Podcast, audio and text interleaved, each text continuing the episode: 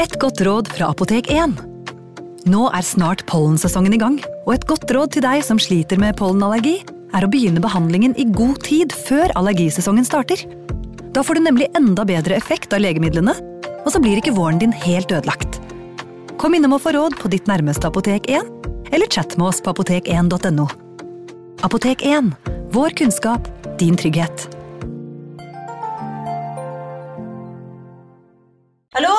Jeg kommer fra Oslo politikammer. Ine Jansen er purk. Er du purk? The motherfucking bitch. Alt jeg vil, er å finne ut hva som skjedde med mannen min. Jon Carew. Er jeg sikta for noe? Iben Akeli. Det er du. Ole So, Lars Berrum og Big Daddy Karsten. Hvem sin side er du på, egentlig? Anette Hoff, Tone Danielsen, Kommer du fra Afrika? Jørnis Josef, Nesten. Kløfta. Trond Espen Seim, Det er synd å si det, men det var feil mann som døde. Purk. Premiere tirsdag på TV2 Play. Ungsamtalen fra DNB er økonomisk veiledning tilpasset deg som er ung. Bokk en ungsamtale på dnb.no. slash ung. Det er kjempebra hvis du skal inn på boligmarkedet, hvis det er drømmen din, liksom. Det er det du skulle sagt. Og så kunne du ropt litt mer, da, sånn som jeg gjorde. Bam! Advarsel. Denne podkasten inneholder skildringer av ekte drap og kriminalsaker som kan være støtende for enkelte. Det advares også mot sterke inntrykk i deler av episoden. Klokken 19.27 mandag 9. februar 2004 ringer en kvinne til politiet i Grafton County. Hun kan fortelle at en bil har krasjet ikke så langt fra hennes eget hjem i Woodsville, New Hampshire. Bilen var i grøften, og hun var usikker på om hun kunne se noen mennesker inne i bilen. Politiet noterer seg tipset og kontakter en patrulje som skal kjøre bort til ulykkesstedet. Klokken 19.43 samme kveld, et drøyt kvarter senere, ringer en mann til samme politistasjon. Han har nettopp kommet hjem til huset sitt etter å ha stoppet bilen ved en ulykke på en skogsvei ved Woodsville i New Hampshire. Han var bussjåfør og var på vei hjemover da han så bilen i grøften. En ung kvinne hadde stått ved siden av bilen, og mannen hadde spurt henne om det gikk bra. Kvinnen hadde svart at hun var litt skjelven og oppskaket, men at hun var ok. Mannen fortalte politiet at han ikke kunne se blod på henne, og hun virket ikke fysisk skadet heller. Han hadde sagt at han kunne ringe politiet for henne, men den unge kvinnen hadde bedt ham om å ikke gjøre det. Hun sa det ikke var nødvendig, for hun hadde allerede ringt Triple A, og de var på vei. Triple A er nesten det samme som NAF og tilbyr blant annet veihjelp. Mannen hadde stusset over at hun hadde ringt Triple A, for han, som bodde i området, visste at det ikke var mobildekning der kvinnen hadde krasjet. Mannen reiser hjem. Kjøreturen tar bare noen minutter. Vel hjemme ringer han politiet og forteller om møtet med den unge kvinnen som ikke ville ha hjelp. Han synes likevel han burde ringe, for det var både kaldt og mørkt ute, og meldt snøstorm de neste dagene. Politiet takker for meldingen, og de sier at en patrulje er på vei. Klokken 19.46 ankommer politipatruljen stedet der kvinnen krasjet. Bilens frontrute er knust på førersiden, airbagene er utløst, og det er skader foran på bilen. Det er også noen bulker på panseret. Kvinnen som kjørte bilen, er sporløst borte. Velkommen til True Crime Podden.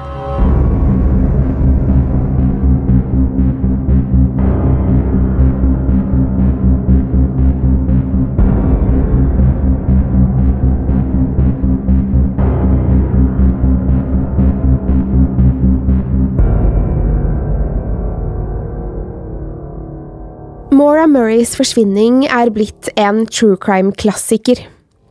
En tilsynelatende normal ung kvinne forsvinner helt plutselig, helt uten spor.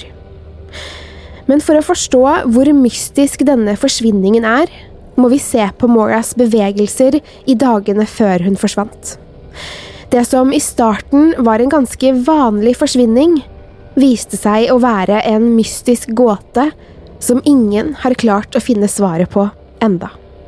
Maura Murray var en 21 år gammel kvinne som var født og oppvokst i Hanson, Massachusetts.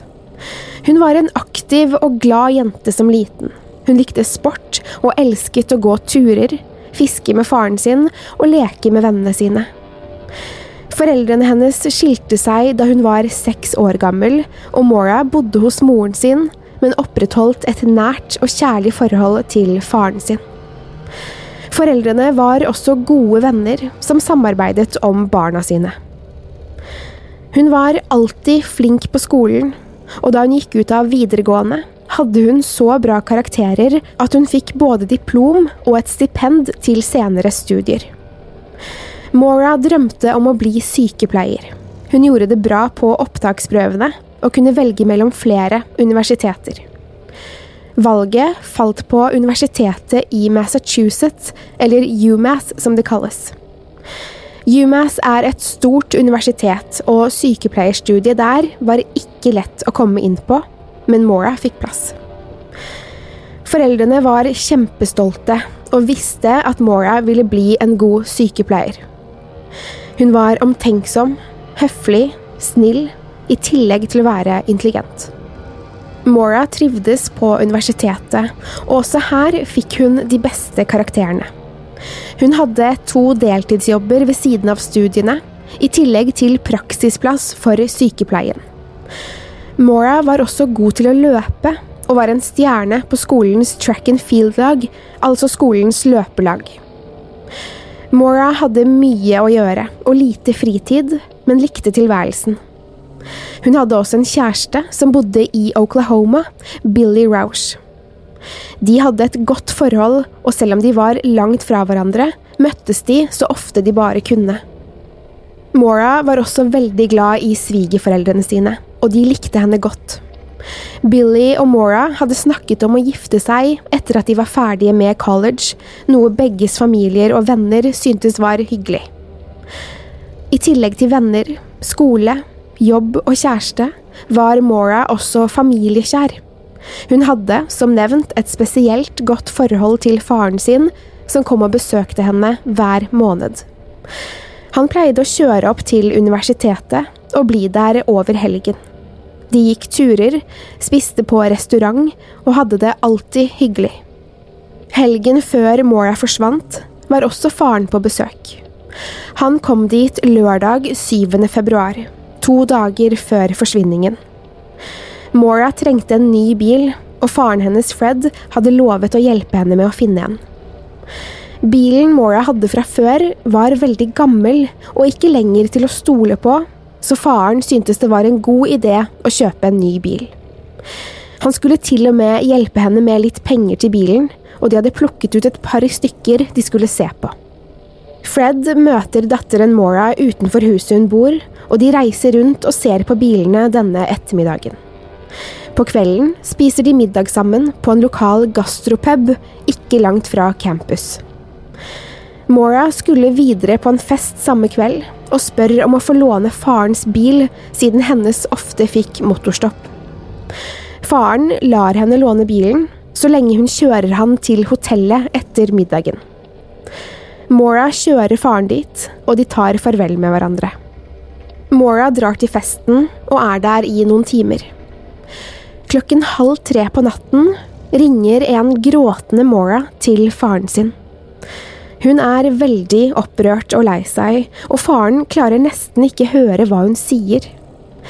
Hun forklarer at hun har krasjet bilen hans. Fred er mest opptatt av at datteren ikke er skadet, men Maura snakker bare om hvor lei seg hun er, og at hun ikke mente å krasje bilen hans. Fred sier at det fikser de, og at hun ikke skal være lei seg, men er litt irritert inni seg, for bilen var nesten ny. Han snakker også med en av politimennene på telefon, og de forsikrer han om at det ikke er store skader, og at Maura ikke hadde drukket da hun krasjet. Maura og Fred avtaler å snakkes neste morgen. Bilen er ikke så skadet at den ikke kan kjøres, så Mora kjører bilen til huset der hun bor, før hun går og legger seg. Men Mora får ikke sove. Hun ringer kjæresten Billy klokken ti på fem og gråter mens hun forteller hva som skjedde. Han trøster henne så godt han kan, men synes hun virker litt for lei seg over situasjonen. Ingen ble skadet, og bilen trenger bare å rette opp noen bulker og en frontlykt. Billy sier at han må sove litt til, og lover å ringe henne neste dag. Maura sover noen timer før hun møter faren sin til frokost morgenen etter. Han ser på bilen og er lettet over at det ikke var så ille likevel. Han snakker med forsikringsselskapet, og det kan til og med hende at han ikke må betale mer enn egenandel for skaden. Fred prøver å trøste Mora, som fortsatt er veldig opprørt over krasjen. De spiser sammen før faren må reise hjemover. Senere samme kveld ringer Fred Mora og forteller at forsikringsselskapet dekker skadene på bilen, og at alt er i orden. Hun er fortsatt lei seg, og det virker som det går litt bedre nå. Han ber henne huske å fylle ut noen skjemaer som må hentes på Biltilsynets kontor, og Mora lover å gjøre det neste dag. De avtaler at Mora skal ringe han i åttetiden på kvelden dagen etter, så han kan hjelpe henne med å fylle ut skjemaene. De avslutter samtalen. Det var siste gang Fred snakket med datteren sin. Denne søndagen har Mora stort sett vært på rommet sitt. Hun har ikke tatt telefonen når Billy har ringt henne. Mora søker på internett etter utleiehytter i fjellet i New Hampshire. Hun ringer flere av utleierne, men leier ingen hytte. Mora søker i kart og printer ut veibeskrivelser fra nettstedet Mapquest, som viser veien fra universitetet hennes til forskjellige avsidesliggende fjellbyer i New Hampshire og Vermont.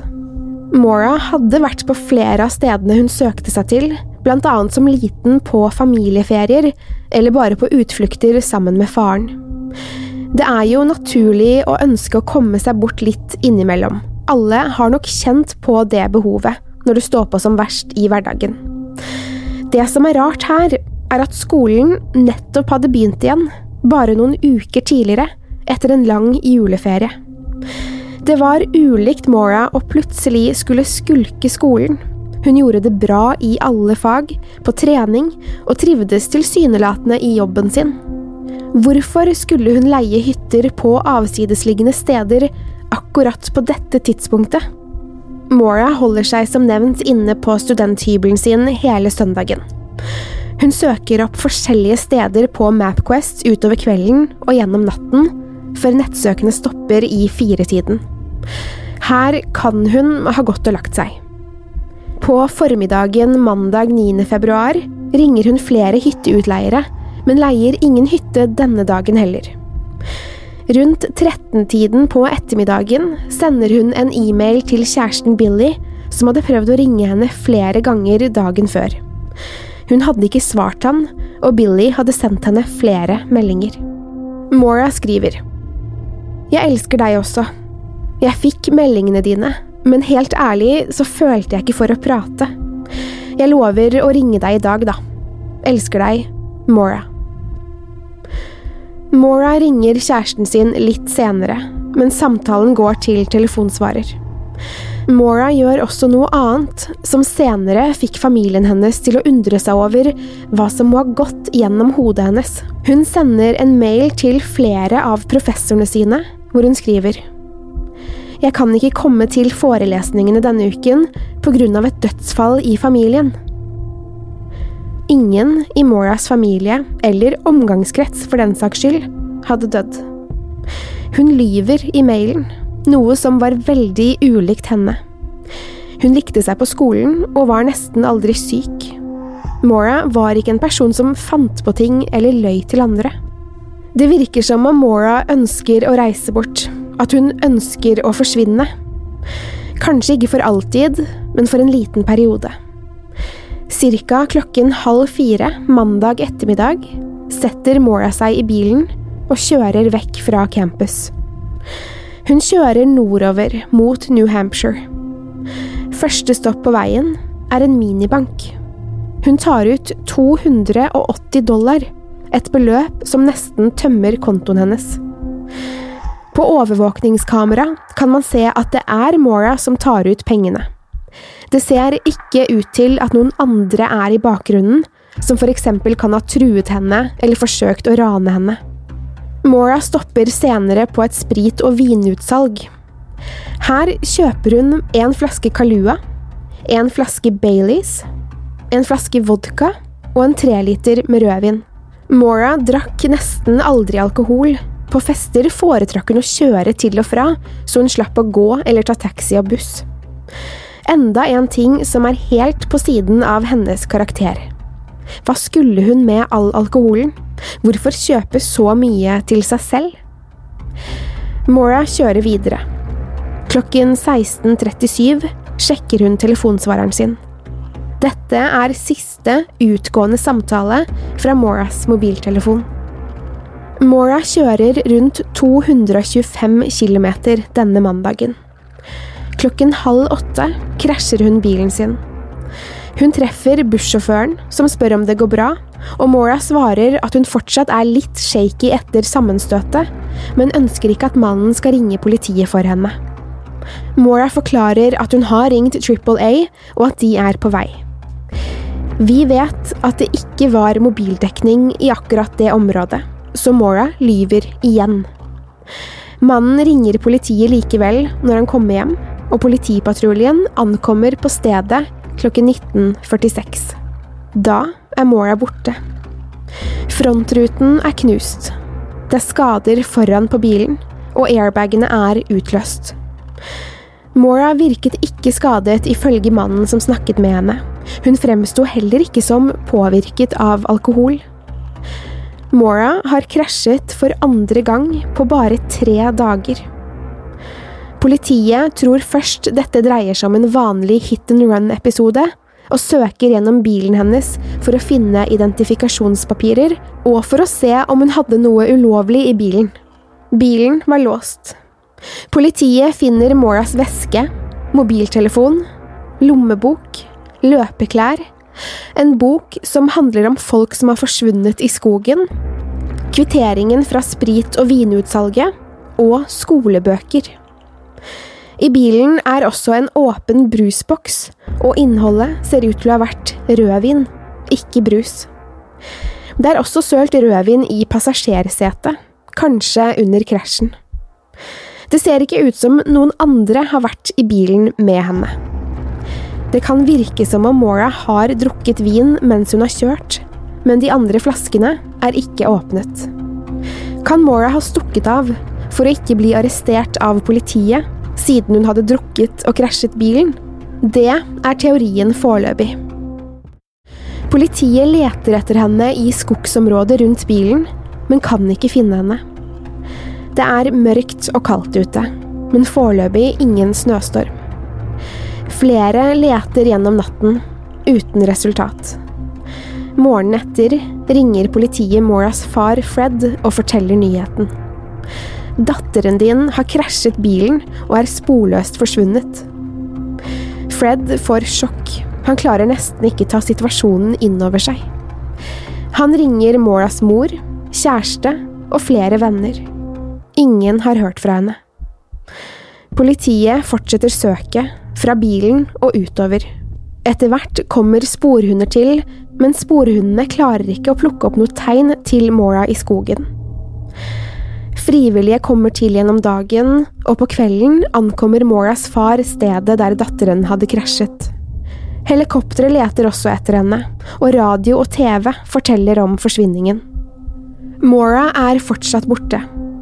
Kjæresten Billy og hans familie flyr til New Hampshire for å hjelpe til med letingen. Både de og Moras øvrige familie og venner avhøres, men avhørene avdekker ingenting. Politiet leter på Moras studenthybel, og der er alle tingene hennes pakket i esker. Hun har printet ut veibeskrivelser til flere steder i New Hampshire som ligger på eskene. Ellers er det ingen ledetråder som sier hvor hun kan befinne seg. Familien og politiet er redde for at Mora kan ha skadet seg etter bilkrasjen og trenger hjelp. Selv om hun trolig ikke hadde blødd eller brukket noe, ifølge mannen som så henne, kan hun ha fått indre skader. Bilkrasjen i seg selv var ikke så voldsom, men politiet mener fortsatt at det haster å finne Mora. Det er kaldt ute og meldt dårlig vær. Politiet sender ut en pressemelding hvor de beskriver Mora og sier at hun kan være deprimert og mulig suicidal. Faren og kjæresten syntes hun virket uvanlig lei seg etter å ha krasjet bilen til faren. Moras venner har ikke merket noen ting. Mora har ikke oppført seg annerledes på noen måte, og hun har heller ikke uttrykt bekymring for noe, eller sagt at hun ikke hadde det bra. Mora var en åpen og ærlig person, og venninnene er sikre på at hun ville sagt noe, og til og med bedt om hjelp hvis hun hadde problemer. Mora hadde nemlig, i november året før, blitt tatt i å bruke et stjålet kredittkort på flere butikker og restauranter. Hun ble dømt for det, men fikk ingen fengselsstraff eller samfunnstjeneste, og hadde snakket mye med venninnene sine om saken. Venninnene tror Mora ville fortalt dem at hun slet med noe, så åpen som hun var om alt. Mora hadde flere søsken, og en av storesøstrene slet med alkoholproblemer. Hun snakket ofte med søsteren på telefon, og en dag hun hadde vært på jobb, hadde Mora satt seg ned og grått etter en telefonsamtale. En av kollegene hennes hadde spurt hva som var galt, og Mora hadde bare svart søsteren min. Hun hadde reist hjem fra jobben den kvelden, før skiftet hennes var ferdig. Dette var fire dager før forsvinningen, men Mora hadde ikke nevnt noe om det til andre. Hun hadde heller ikke snakket om det med faren sin da han besøkte henne. Dagen etter forsvinningen ser kjæresten en melding på telefonsvareren sin fra et ukjent nummer. Meldingen ble mottatt da han gikk gjennom sikkerhetskontrollen på flyplassen, og han fikk ikke med seg at noen prøvde å ringe han. I meldingen hører man pusting fra en kvinne. Det kan høres ut som en svak gråting også, men pustingen er mest fremtredende. Ingen snakker på opptaket. Kan det være Mora som har forsøkt å be om hjelp? Det er også en rar lyd på slutten av opptaket, som ingen klarer å finne ut av hva er. Telefonmeldingen kommer fra området der Mora forsvant, men kan ikke spores nærmere. Moras vanlige mobiltelefon ble som nevnt funnet i bilen hennes, så hadde hun to? Og hvorfor sa hun ikke noe om hun trengte hjelp? Dagene, ukene og månedene går. Ingen finner Mora. Ingen kan forstå hvorfor hun har forsvunnet, hvor hun er, eller hva som gikk av henne. Hun hadde pakket ned tingene sine i esker, søkt etter steder hun kunne leie hytte på, sagt til professorene sine at hun ikke kom på forelesning den neste uken av et dødsfall i familien, noe som ikke stemte. Hun hadde tømt bankkontoen sin, lagt i en veske, klær, penger, telefon og bilen sin. Selv om hun sa hun hadde ringt Triple A, viste det seg at hun ikke hadde ringt noen etter hjelp da hun krasjet. Det virket som om Mora ønsket å forsvinne. Kanskje bare for en liten periode, men hvorfor hun ville bort, er det ingen som vet. Hvis hun hadde reist langt av sted for å ta livet sitt, ville man trolig funnet liket hennes. Man kan ikke gjemme sitt eget lik, og det fantes ingen elver eller innsjøer på nær avstand hun kunne ha falt ned i. Ingen hytter det hadde vært innbrudd i. Ingen som hadde sett henne etter krasjen. Mora er sporløst borte. Dette er forferdelig for familien og vennene hennes. Etter flere måneder uten noe tegn til Mora, velger familien å starte sin egen etterforskning for å finne henne. De får tak i telefonlistene hennes og kan se alle Mora har ringt i tiden før hun forsvant. Familien ringer alle Mora har snakket med. De kommer i kontakt med en kvinne Mora hadde snakket med samme dag hun sist ble sett. En kvinne som leier ut hytter i en liten by i New Hampshire. Kvinnen husker dessverre ikke å ha snakket med Mora. Hun får flere telefoner hver eneste dag om utleie, og da han ble kontaktet av familien, hadde det gått måneder. Det familien får ut av samtalen, er at Mora ikke kan ha virket annet enn normal i samtalen, siden den ikke stakk seg ut i mengden. Hadde Mora stilt rare spørsmål eller fremstått opprørt eller lei seg, ville kanskje kvinnen ha husket henne. Kvinnen hadde heller ikke leid ut noe til Mora. Familien finner heller ikke noe nytt i sin etterforskning. Det finnes ikke spor av Mora etter bilkrasjen. En kvinne ringer likevel til politiet flere måneder etter forsvinningen og sier at hun mener hun så en ung kvinne jogge i området der Mora forsvant noen dager etter krasjen. Kvinnen passet til Moras beskrivelse, men politiet finner det usannsynlig at det var Mora kvinnen så. Hvorfor skulle hun jogge i området, hvis hun prøvde å gjemme seg? Hvorfor skulle Mora ha risikert å bli sett hvis hun ville forsvinne? En annen kvinne kontakter også politiet. Hun mener hun så en som lignet på Mora i dagene etter hun forsvant, på en butikk. Kvinnen hadde gått med armene i kors og vært sammen med en eldre mann. Kvinnen hadde sett redd ut og prøvd å si noe til damen som så henne. Hun hadde mimet noen ord, lydløst, Damen mente hun sa 'hjelp meg', men forsto ikke før senere hva det var hun hadde sagt. Før hun fikk hjulpet, var kvinnen og den eldre mannen reist. Om dette var Mora, vet man ikke, men politiet syntes det høres ut som oppspinn. Det er 15 år siden Mora forsvant, og ingen nye spor. Saken diskuteres fortsatt ivrig i dag, på forskjellige forum. Teoriene som er mest sannsynlige, er selvmord, kidnapping, at hun rømte fra noe eller noen, at hun frøs i hjel, eller at hun møtte feil person på veien og ble drept. Det er få som tror Maura Murray lever i dag, men det at man ikke finner liket hennes, er mystisk. Områdene rundt der Maura forsvant, er søkt gjennom mange, mange ganger. De har funnet klær der, som senere har vist seg å ikke tilhøre Mora. Hun er som forsvunnet i løse luften. Selv om etterforskningen er lagt på is, grunnet manglende spor og fremgang, leter familie og venner fortsatt. Fred, Moras far, er den som leter mest. Han reiser til New Hampshire hver eneste helg, fortsatt, for å lete etter datteren. Han følger opp hvert spor, snakker med turgåere, lokale og turister. Men han kan fortsatt ikke finne henne, 15 år senere. Han sier at han er en halv person uten Mora.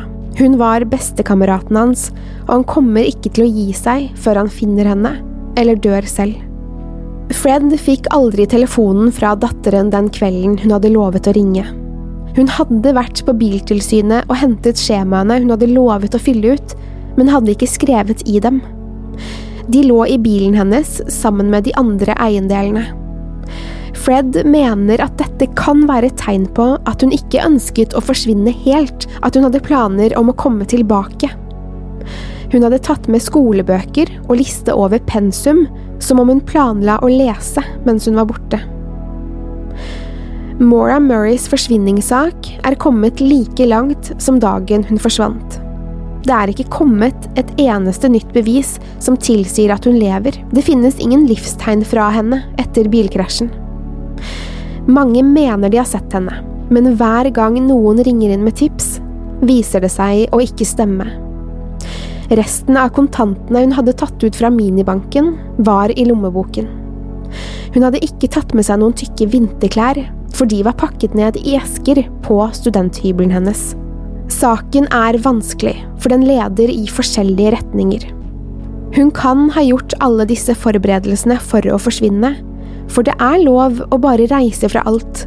Man kan gjøre det som voksen. Man har rett til å forsvinne om man vil. Men hvorfor akkurat Mora? Hva ville hun i så fall forsvinne fra? Det fantes ingen trusler mot henne. Hun hadde ikke gjort noe ulovlig utover å ha stjålet kredittkortet måneder før hun forsvant, og saken var avsluttet. Mora hadde en lys fremtid foran seg. Hun snakket om å gifte seg med Billy. hadde gode muligheter for å skaffe seg en bra jobb, og hadde masse venner og var glad i familien sin. Hvorfor forsvant Mora? Familien hennes, så vel som politiet, mener det er liten sjanse for at hun lever, men familien håper likevel at de en dag vil få svar på hva som skjedde. Hva tror du? Hvorfor forsvant Mora på den måten? Var det frivillig? Mot hennes vilje? Det er ingenting som er åpenbart i denne saken, da alle spor slutter ved bilen. Til og med det Mora gjorde i dagene før hun forsvant, gir heller ingen ledetråder som fører noe sted. Hvor er Mora Murray? Bli med og diskuter på vår Instagram-konto. Der heter vi True Crime Norge. Til neste gang, pass på deg selv, og takk for at du har hørt på True Crime-podden.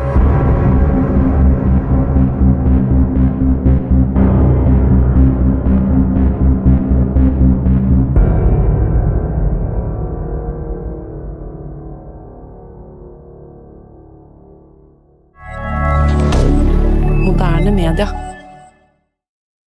Har du et enkeltpersonforetak eller en liten bedrift?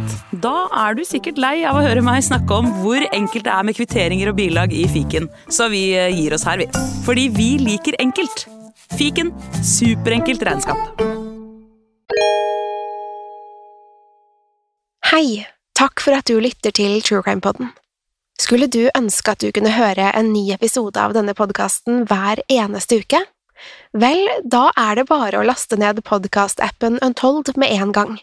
I tillegg til ukentlige episoder av podkaster som Skrekkpodden, Synderne og Henrettelsespodden, får du masse annet reklamefritt og eksklusivt innhold. Last ned Untold i AppStore eller Google Play, og start din 30 dagers prøveperiode i dag. Untold